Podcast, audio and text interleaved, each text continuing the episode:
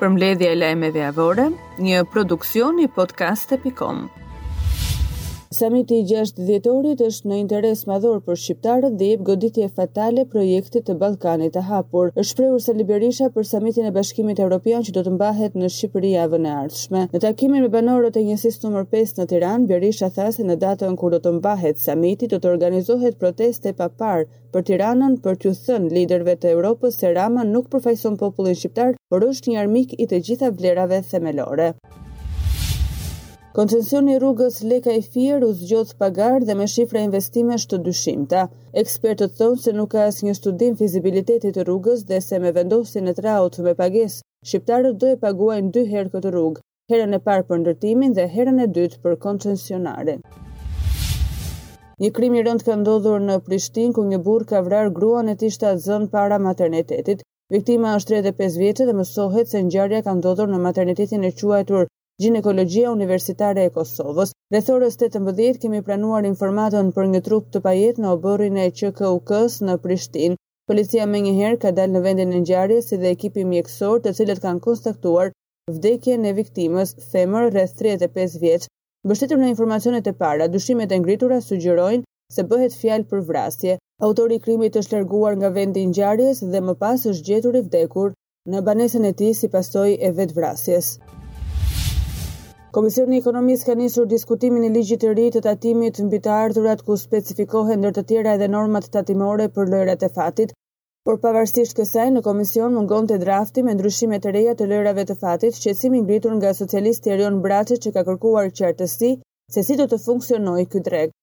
Nuk mund të flasim me hamendësime, flasim për lojërat e fatit, por s'kemi ligjin, duhet të shikojmë sa tatohen, sa do të zgjerohen se ne këto po bëjmë, po i zgjerojmë më tej, tha Erion Braçe.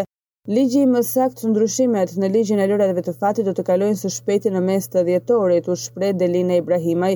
Ju i hoqët, doni t'i riktheni sërish, A e dini që jemi në listën gri të pastrimit të parave dhe lojrat e fatit janë një opsion për këtë, pse doni t'i riktheni, deklaroi Edmond Spaho. Ligji i ri për lojrat e fatit pritet të hyjë në fuqi nga data një janar e vitit të ardhshëm dhe qeveria pret të arkëtojë nga ky zë rreth shtatëmbëdhjetë milionë euro të ardhura vitin që vjen. Presidenti i Republikës Bajram Begaj është pritur në një takim në Selinë e Shenjtë nga Sekretari i Shtetit të Vatikanit, Kardinalin Pietro Parolin. Presidenti Begaj vlerësoi ecurinë e shkëlqyer të marrëdhënieve ndërshtetërore pas rivendosjes së marrëdhënieve diplomatike në vitin një mijë e nëntëqind e nëntëdhjetë e një, thuhet në njoftimin për shtyp nga Presidenca. Kreu i shtetit vlerësoi gjithashtu rolin dhe mbështetjen që Selia e Shenjtë dhe Papa Françesku kanë dhënë jo vetëm për rimëkëmbjen shpirtërore të shqiptarëve të besimit katolik, por veçanërisht për lartësimin e historisë dhe të modelit të bashkëjetesës e të harmonisë fetare të shqiptarëve.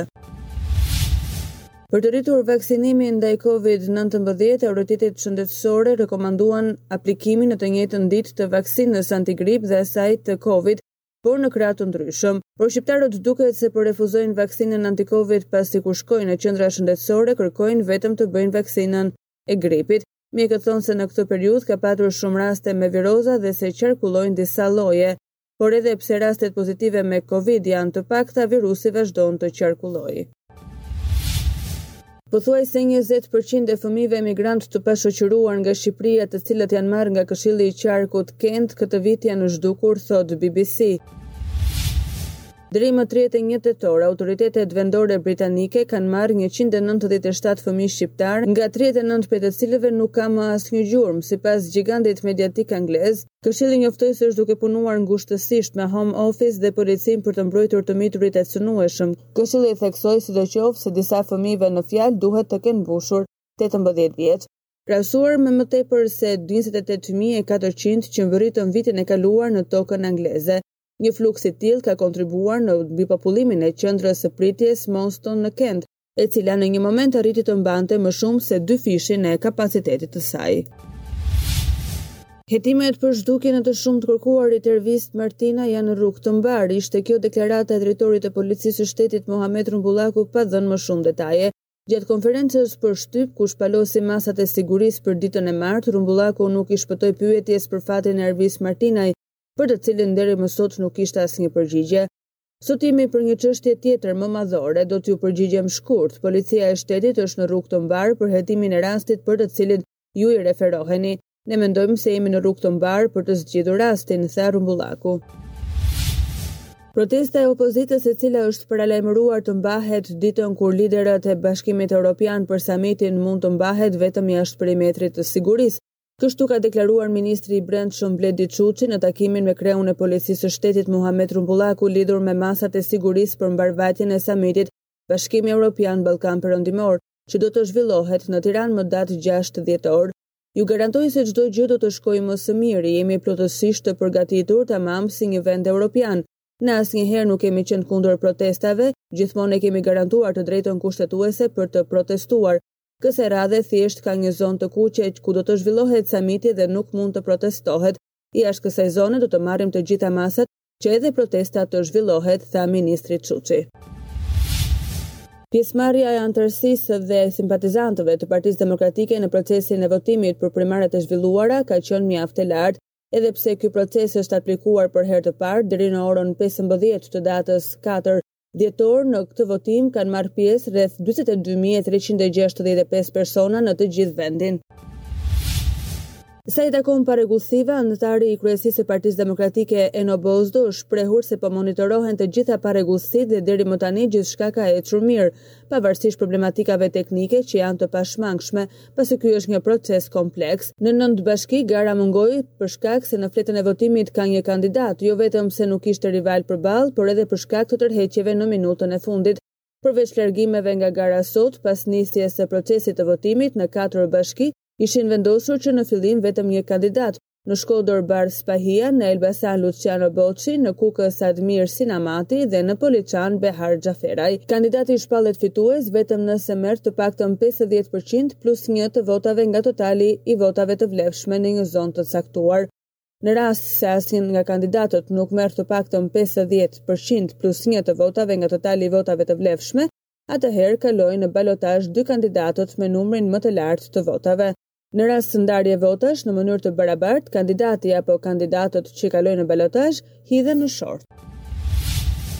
Banorët e Bërxullës kanë dalë për të protestuar ditën e diel duke kërkuar të drejtën e kompensimit të pronave të tyre që preken nga koncensioni Thumanë Kashar sipas çmimit të tregut.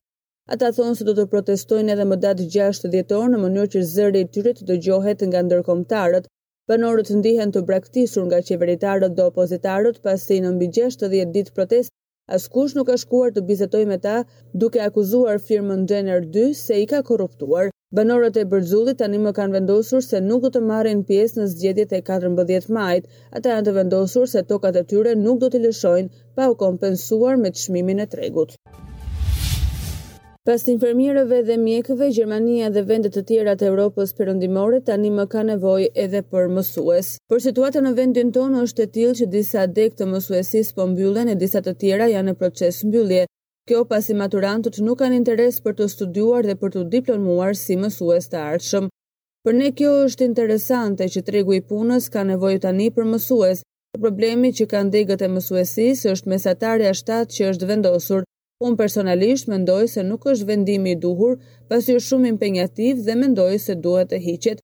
Ne jemi të vetëdijshëm që jetojmë në një treg global, por që mësuesia të mos i ngjajë infermierisë që studentët e shikojnë si pasaportë për të ikur dhe punuar jashtë, për këtë duhet të punojnë, Ata që i hartojnë politikat, duhet ndërtuar politika interesante që t'i mbajmë mësuesit në Shqipëri, ose të marrim parasysh që kur ne hapim degët në këto fusha, të prodhojmë për vete, por potencialisht edhe për botën, sepse fakti që këto shtete kanë nevojë dhe fakti që këto shtete do të na kërkojnë mësuesit, edhe fakti që këta mësues nuk mund t'i frenojmë, duhen marrë të mirëqena.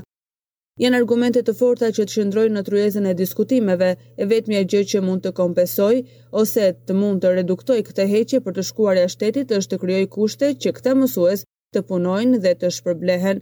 Nëse mendohet seriozisht, gradualisht do të krijohen kushtet, siç mendohet për mjekët, për shembull, që iu rritën rrogat. të ketë kushte më të mira, duhet menduar tani edhe për këtë kategori.